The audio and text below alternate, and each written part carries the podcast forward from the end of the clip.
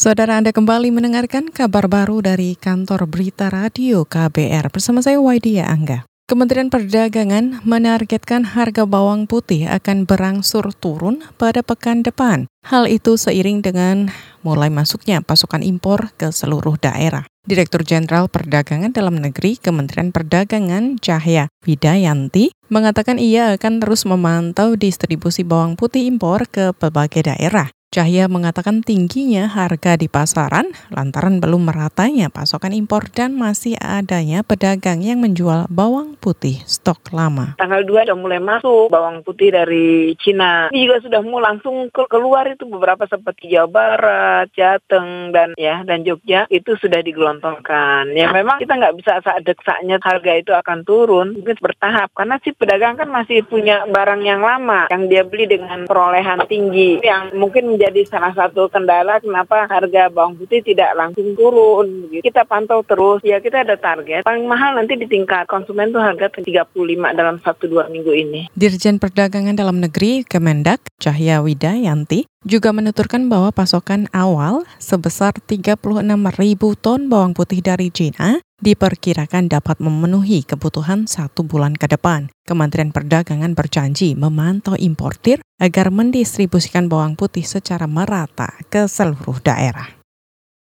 Selanjutnya, Ketua Asosiasi Pembenihan Bawang Merah dan Bawang Putih Indonesia, Agusman Kustoyo, berpendapat kenaikan harga bawang putih tidak akan berlangsung lama. Menurutnya Agusman, Kementerian Pertanian sudah mengeluarkan 20 rekomendasi impor produk hortikultura atau RIPH yang antara lain bertujuan menurunkan harga bawang putih. Mungkin ada 20 lah perusahaan sudah dapat RIPH kalau dari SPI-nya nggak telat, saya rasa cepat itu.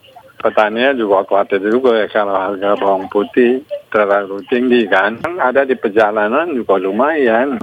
Ketua Asosiasi Pembenihan Bawang Merah dan Bawang Putih Indonesia, Agusman Kustoyo, berpendapat kenaikan harga masih akan terus terjadi jika tak ada skema yang mengatur tentang stok dan produksi bawang putih di Indonesia. Agusman mengatakan Indonesia akan sulit lepas dari impor selama tidak ada ketentuan perusahaan menanam bawang putih bekerja sama dengan petani. Di sisi lain, pemerintah juga bisa memikirkan skema subsidi bagi petani bawang putih sehingga target swasembada bisa tercapai. Kita ke berita selanjutnya. Badan Pengawas Pemilihan Umum atau Bawaslu memberi sejumlah catatan kepada Komisi Pemilihan Umum atau KPU yang tengah melaksanakan rapat pleno terbuka rekapitulasi penghitungan suara hasil pemilu luar negeri. Anggota Bawaslu RI Muhammad Afifuddin mengatakan catatan tersebut di antaranya seperti tidak sinkronnya daftar pemilih khusus dan daftar pemilih tetap. Secara umum berjalan lancar, cuman ada beberapa hal yang mesti diklarifikasi terutama terkait DPK, DPT yang kemudian di beberapa pendataannya itu tidak sinkron. Tetapi selanjutnya bisa dijelaskan setelah pengawas bersama dengan PPLN duduk bersama pada intinya tidak merubah hasil, tidak merubah jumlah partisipasi pemilih dan lain-lain.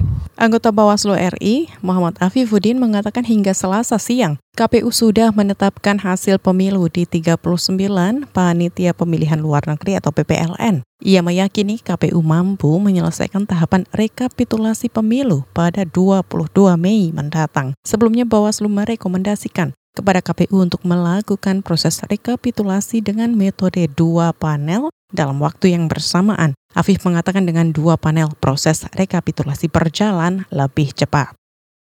Beralih ke Solo, Pemkot Solo menyiapkan sejumlah langkah mengantisipasi kenaikan harga sembako saat Ramadan dan Lebaran. Laporan selengkapnya bersama kontributor KBR di Solo, Jawa Tengah, Yuda Satriawan. Pemerintah Kota Solo menyiapkan sejumlah langkah mengantisipasi kenaikan harga sembako saat Ramadan dan Lebaran. Wakil Wali Kota Solo Ahmad Purnomo mengatakan salah satu langkah yang, di, yang akan dilakukan dengan menggelar pasar murah sembako di semua kecamatan di Solo.